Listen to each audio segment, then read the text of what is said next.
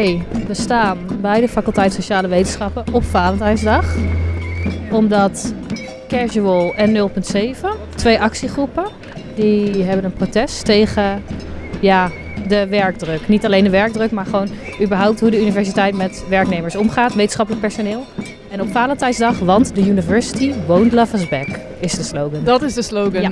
En we horen al wat pannen ge, ge, Ja, hè, ge- inderdaad. en zo. Er is al wat eh, rumoer om ons heen. Spandoek wordt omhoog gehouden. Permanent contracts, make it happen, casual Rotterdam. Oké, oké. Het zijn allerlei steden zijn samengekomen. Dus even zoeken naar Leiden natuurlijk.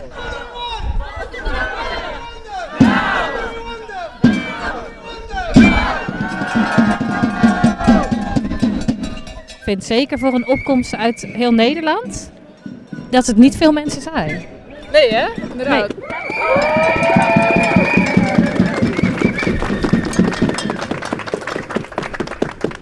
So I am Sam, I'm a postdoc, and in the last 10 years I've done four temporary contracts in three countries.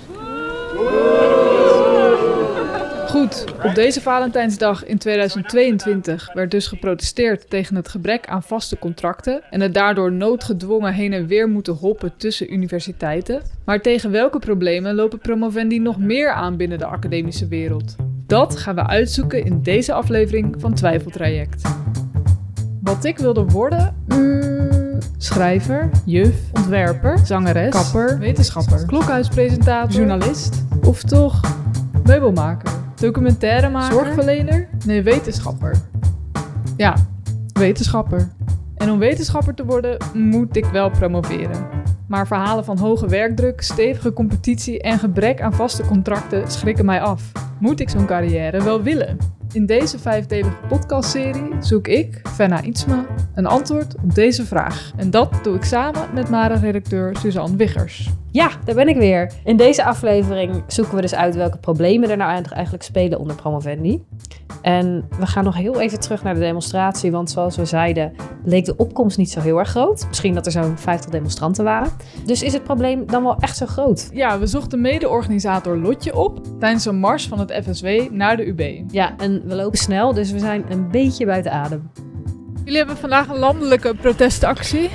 En toch is de groep evengoed nog wel vrij klein. Hebben jullie genoeg landelijke aandacht, vind je? Zeker door corona, wat er nu nog is, hebben we heel veel afmeldingen gehad. Ik kan ook voor 0.7 spreken, waar ik dan onderdeel van ben. Bijna al onze le- leden, zoals ik probeerde te zeggen, die zijn anoniem. En die zijn dus anoniem omdat ze anders eh, ja, gevolgen erkennen van deel zijn van 0.7. Best wel lastig eigenlijk om eh, mensen hiervoor te krijgen, omdat dus de situatie zo onveilig is dat je nek uitsteken wel echt een enorm grote kans is. Dat het gewoon betekent dat je, dat je geen contractverlenging krijgt. Dus ja. Ik zou liefst aan de Universiteit Leiden promoveren. Zou je specifiek die universiteit aanraden? Ik zou hem niet specifiek aanraden. Ehm, Universiteit Leiden is natuurlijk wel een van de universiteiten die eh, het minst met ons in gesprek wilde gaan over alle problemen die er zijn. Dus het hardst heeft tegengeduwd. Eh, waar ontzettend veel meldingen van sociale onveiligheid.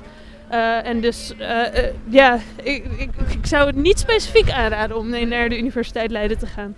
Maar eh, eerlijk gezegd, bij heel veel andere universiteiten is dit ook wel een probleem. Nou, dat klinkt niet bepaald positief. Nee. En er zijn ook een hoop onderzoeken gedaan hiernaar. En daaruit blijkt ook dat het echt erg gesteld is. In Leiden specifiek loopt 38% van de promovendi het risico op mentale problemen. Blijkt uit een onderzoek uit 2018. Bijna de helft van de bevraagde promovendi uit dat onderzoek voelt zich constant onder druk staan. En ongeveer 1 op de 3 ervaart slaapproblemen, depressieve gevoelens of concentratieproblemen. En meer dan de helft van de promovendi die deze problemen ervaart, overweegt ook echt te stoppen met promotie. Onderzoeker Inge van der Weijden, die dat onderzoek deed, zij vergeleek haar uitkomsten met een onderzoek uit Vlaanderen, waar datzelfde onderzoek werd uitgevoerd onder niet promoverende, maar wel hoogopgeleide jongeren. En het risico op mentale klachten onder promovendi bleek twee keer zo groot als bij deze Vlaamse doelgroep. Je ziet ook echt, promovendi lopen meer risico dan een... een... Een gemiddelde millennial, zeg maar. Precies. Gemiddelde hoogopgeleide millennial. Ja.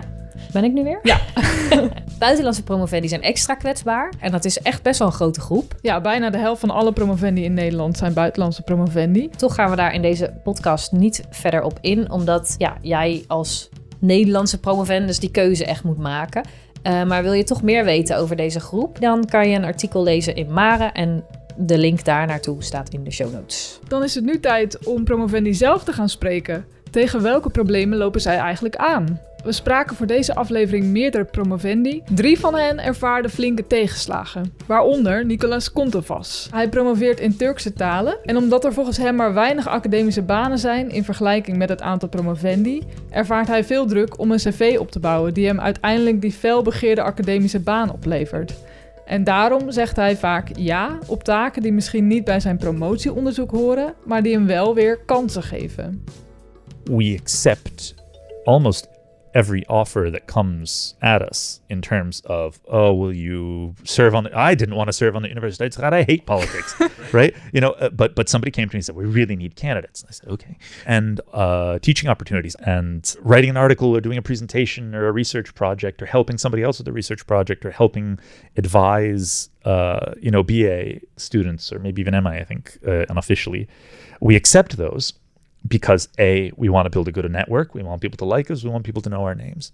And B, again, you can be one of the most qualified people in your field and still not get the job. So you better have fucking explosive CV, just, you know, pages and pages of stuff that you've done.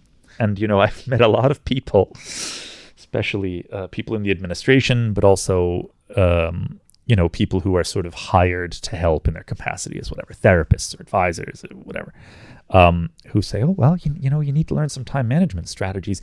And they don't really understand that it's not, you're, uh, you're perfectly aware that you're overwhelmed and you're perfectly aware that you're going to be overwhelmed when you accept these tasks. But you say, I'll take this hit to my mental health. I'll take this hit to my free time. I'll take this hit to whatever because I need to be better than the best. En wat Nico hier zegt, dus die opstapeling van extra taken naast je onderzoek, die gaven ook Robert Striekwold, promovendus in de geschiedenis van de ichthyologie, en dat betekent viswetenschap, dat bestaat kennelijk, die gaven ook hem een hoop stress. Dat er een periode komt met zeven deadlines achter elkaar, waardoor je een paar weken nachtwerk hebt. Robert werkt in een team van drie promovendi en twee postdocs. En volgens hem hebben alle drie de promovendi een periode gehad waarin ze overspannen waren.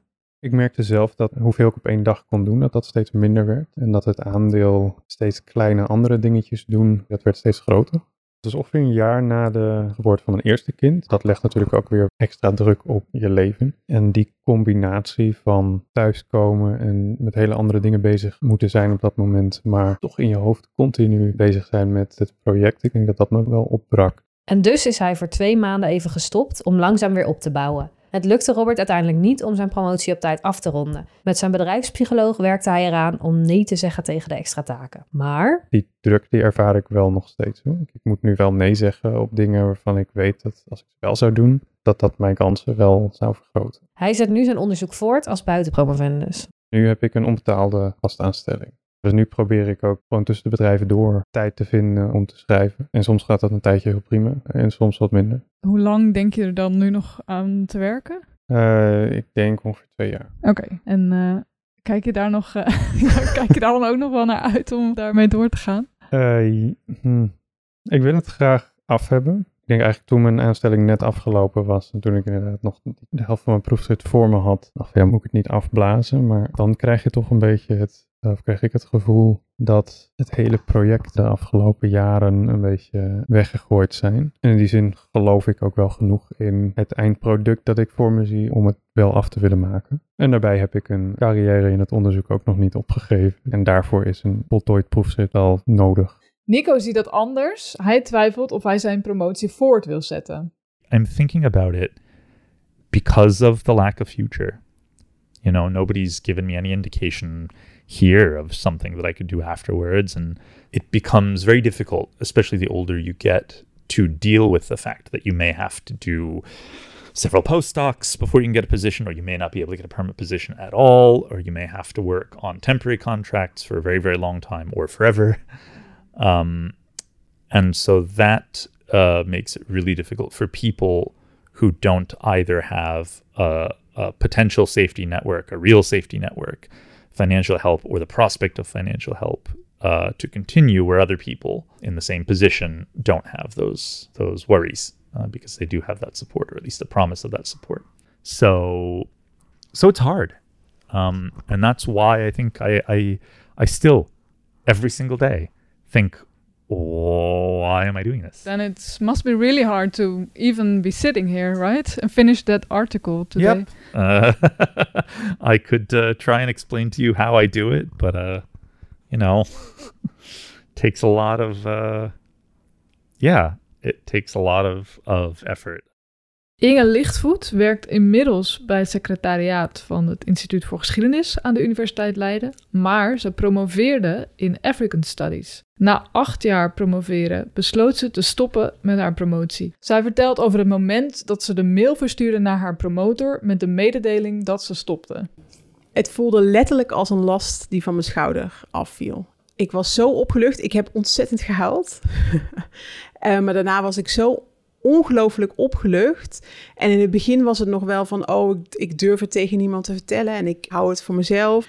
Maar na een op een gegeven moment ging ik zien hoe goed het mij deed, hoe ik mentaal vooruit ging en hoe ik, hoe ik, hoeveel beter ik mezelf voelde. En toen dacht ik, ja, dit, het was het gewoon niet waard geweest om door te gaan. De eerste twee jaar van haar promotie gingen Inge nog goed af. Ze vertrok voor een jaar naar Nigeria en deed daar haar onderzoek. Maar eenmaal terug in Nederland begon ze met schrijven en daar begon haar perfectionisme haar in de weg te zitten. Ik wilde dat iedere zin heel goed stond op papier. En ik wilde dat het, geheel perfect was. En dat er een kop en een staart. En eigenlijk wilde ik het eerder al niet laten lezen aan mensen. Dus ik denk dat de tekst die ik uiteindelijk schreef altijd wel goed was. Uh, maar om de tekst op papier te krijgen, dat was, uh, ja, dat was gewoon echt mijn grootste struggle. Ja, het, ik vond, het was soms te vrij voor mij. Er zat geen eind datum aan. En ik denk dat dat ook het allermoeilijkste vind aan een proefschrift schrijven. Het is zo groot en zo allesomvattend dat ik het moeilijk vond om het in kleine stukken te hakken waarin ik iets kon opleveren en meteen resultaat zag. Van de andere kant, uh, het was ook wel leuk doordat het zo vrij was. Je bent geen student meer die vastzit aan deadlines en opdrachten moet inleveren. Dus ja, in die zin hoort het er ook een beetje bij, denk ik, bij het promovendus zijn. Dat je voor jezelf die deadlines maakt en voor jezelf die, die brokken maakt. En dat, uh, nou, dat, daar was ik denk ik gewoon niet zo goed in. Eigenlijk liep Inge ook tijdens haar master al tegen haar perfectionisme aan. Waarom koos er dan toch voor om een promotie te doen? Ja, je gaat analyses maken. En ik denk soms wel eens dat ik was altijd goed in studeren. Daar werd ik ook heel erg in bevestigd altijd. En dus toen mensen aan het einde van mijn masteropleiding zeiden van... oh, je zou denk eens na over promoveren en dat, daar zou je echt goed in zijn. Dat speelde ook wel heel erg in op mijn mijn gevoel van, oh, dat kan ik en misschien is dat wel iets voor mij. En ik vond onderzoek doen heel erg leuk. Dus het, het doen van het veldwerk in, uh, in mijn geval Nigeria, vond ik heel erg leuk. En ik was daar nog niet mee klaar na mijn master. Dus dat, dat gedeelte uh, vond ik wel interessant. Ik denk dat mijn familie echt gedacht heeft, waarom wil je dit? Want tijdens mijn masterscriptie zat ik er echt al helemaal doorheen om überhaupt die masterscriptie te schrijven. Maar ik vond dat onderzoek doen zo leuk. Dat, dat heeft er denk ik toe geleid dat ik toen dacht dat dat voor mij het pad was. Op een gegeven moment merkte je dan van, nou, ik ga dat dus gewoon niet halen binnen die vier jaar. Hoe was dat? Nou, ik had eigenlijk al niet de illusie dat ik het binnen die vier jaar zou halen. Ik had om me heen zoveel promovendi gezien die na afloop van hun contract nog het proefschrift af moesten maken. Dus ik had, ik had die illusie niet. Ik denk dat het voor mij een jaar nadat ik stopte, nadat mijn contract eindigde, dat was het moment waarop ik dacht: Oh, gaat me dit wel lukken? Wil ik dit eigenlijk wel?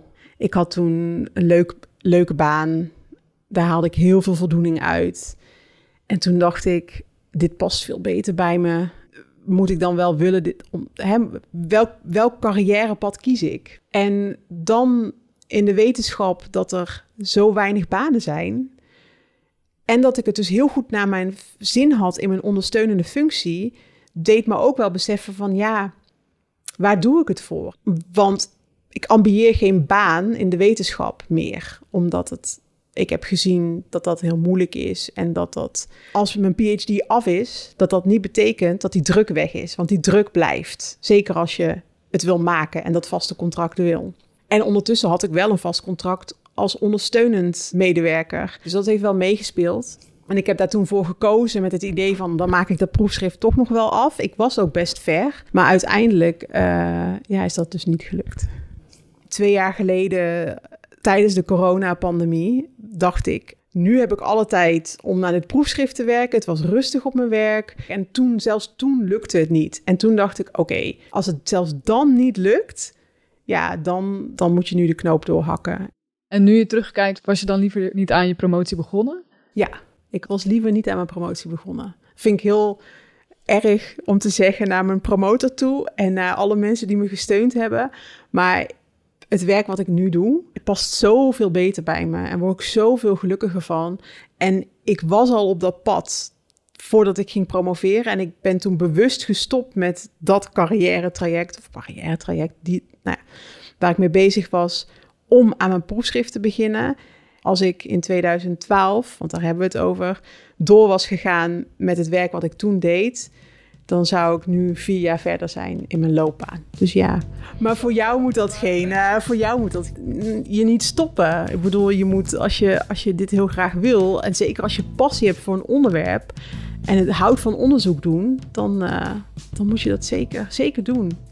Ja, wat Inge hier zegt is wel interessant, hè? want we zijn eigenlijk best wel bezig met uh, nou ja, externe factoren waardoor mensen misschien stress krijgen, hoge werkdruk, die, de tijdelijke contracten. Maar je kan er ook gewoon echt ja, vanuit je persoonlijkheid moeite mee hebben. Dus inderdaad, perfectionisme kan je in de weg zitten. Nou, ik zou bijvoorbeeld heel slecht uh, kunnen dealen met als, dat het zo vrij is, dus dat niemand ja, jou controleert een beetje. Ja, hoe, uh, hoe zie jij dat? Nou, die vrijheid lijkt mij vooral wel heel leuk. Maar wat het verhaal van Inge mij wel doet beseffen, is dat je die vrijheid ook niet moet onderschatten. Die kan je daar misschien ook wel in verliezen. Maar eigenlijk doet het verhaal van Inge mij vooral wel beseffen dat je misschien nadat je bent afgestudeerd aan de universiteit, dan ben je misschien wel geneigd om daarin verder te willen als je de universiteit gewoon heel leuk hebt gevonden en als je daar ook wel goed in was, in het leren. Uh, maar dat er natuurlijk eigenlijk nog wel meer is en dat je dat misschien nog helemaal niet zo goed weet als je pas net bent afgestudeerd. En is een promotie dus überhaupt wel iets wat ik zou willen, even los van de hoge werkdruk en een gebrek aan vaste contracten aan de universiteit? Ja, maar zoals Inge al zei, laat je ook vooral niet weerhouden door, door dit verhaal. Want ja, misschien past het wel heel goed bij je. En er zijn ook genoeg mensen die er wel heel enthousiast over zijn. Ja, en die hebben we ook gesproken. Een paar van die promovendi lieten we vorige keer al even horen. We spraken dus onder andere met Joyce Esser. Ik uh, doe onderzoek naar de constitutionele grondslagen van ons bestuursprocesrecht. Philip Post. Dus ik doe onderzoek naar de geschiedenis van Nederlands-Indië. En dan met name uh, koloniale ambtenaren bestudeer ik en hun mentaliteit. Juliette Krop. Ik doe onderzoek naar het afweersysteem van de moeder tijdens zwangerschapscomplicaties. Jules Eijk. Ik komen bezig met etnische minderheden in wat nu China is. En Geke Burger. Ik promoveer op een scheepswrak uit de 16e eeuw. En we vroegen ze wat ze van hun promotietraject vinden. En hoewel sommige promovendi aangaven soms te worstelen met de planning, lukte de meeste wel redelijk om normale uren te werken. En waren ze eigenlijk vrij positief over het werk zelf. Ja, er is natuurlijk niemand die tegen jou zegt: je moet dan er zijn en dan naar huis.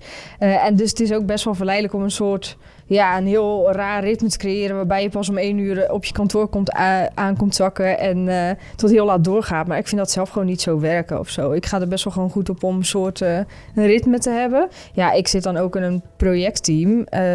Dus we hebben vaak overleg en dat soort dingen. en die werken ook gewoon al binnen kantoortijden. Dus ja, dan vind ik het ook fijn om er zelf ook binnen die tijden te zijn. Je kunt zelf allerlei initiatieven ontplooien.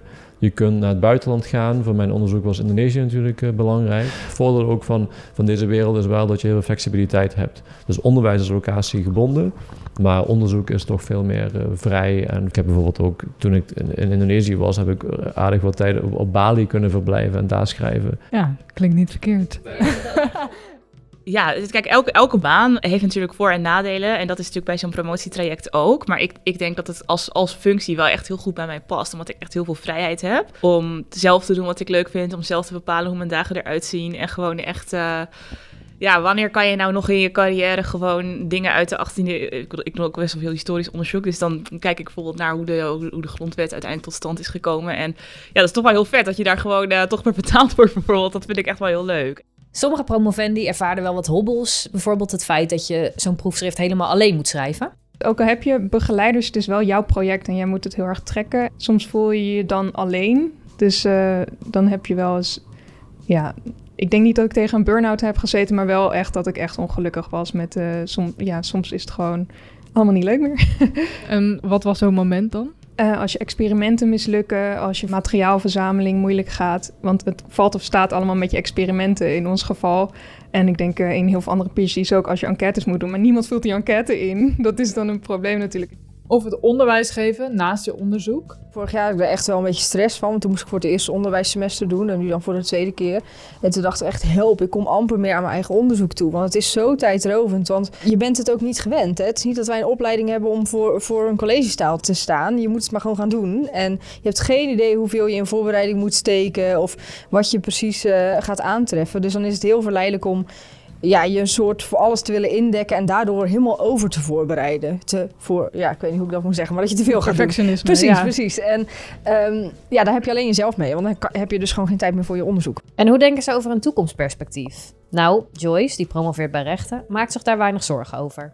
de plekken liggen ook niet voor het oprapen, hè, maar het is natuurlijk wel.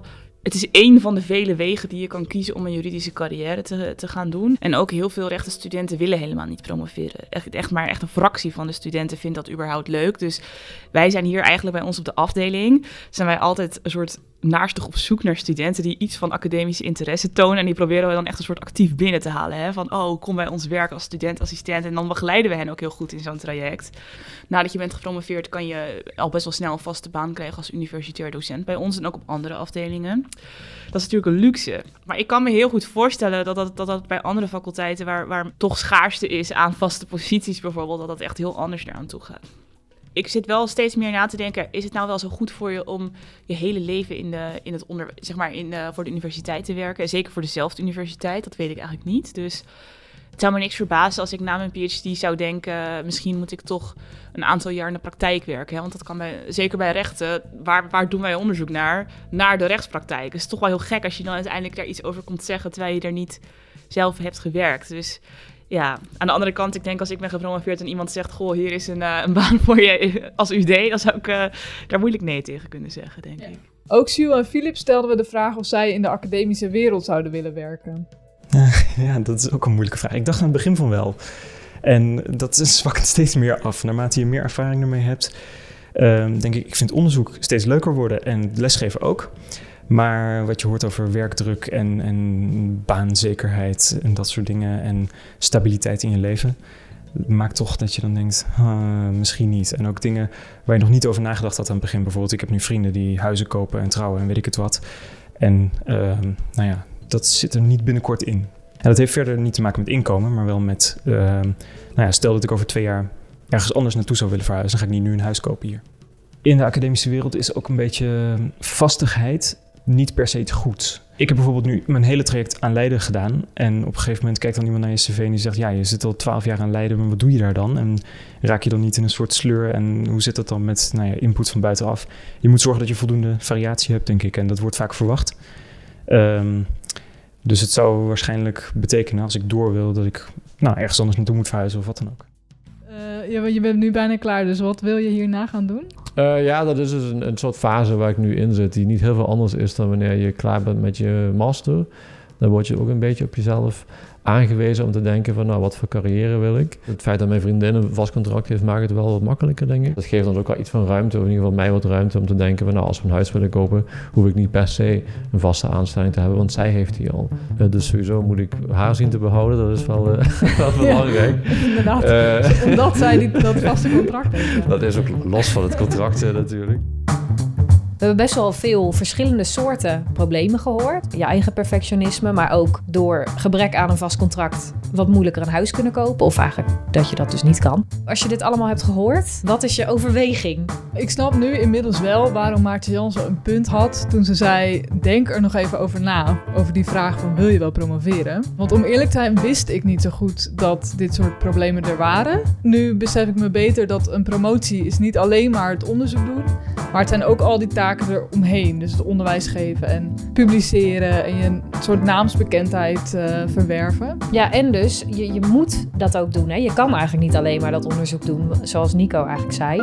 Je, je moet een cv opbouwen, anders dan ben je een van de velen. We hebben dus ook wel veel promovendi gesproken die voornamelijk wel positief waren. Je hebt ook gewoon heel veel vrijheid om nog vier jaar lang onderzoek te doen naar een onderwerp wat jou enorm fascineert. Dat klinkt toch ook wel weer heel erg leuk en ook wel als iets bij mij past. Ja, mensen zijn er positief over, hè, over die vrijheid. Ja, dat, dat lijkt mij heel lastig. Want je moet het ook allemaal zelf weten. Het zou niks voor mij zijn. Maar ik ben blij om te horen dat jij dus wel denkt, het past in ieder geval wel bij mij. Maar nu ben ik wel heel benieuwd waar die problemen allemaal vandaan komen. En in de komende aflevering gaan we daar meer over uitzoeken. En ontdekken we onder andere dat de universiteit heel goed verdient aan promovendi. Ja, zeker. En we gaan weer op safari. En dit keer naar de buitenpromovendi. Een nog onbekende groep voor ons. Je luisterde naar een aflevering van Twijfeltraject, een podcast van Mare. De podcast is mede mogelijk gemaakt met de steun van het Leids Mediafonds. Gijs Turkenburg en Mees Provoost maakten de muziek. If anybody out there is listening, please give me a job in academia because I'll be the best worker ever.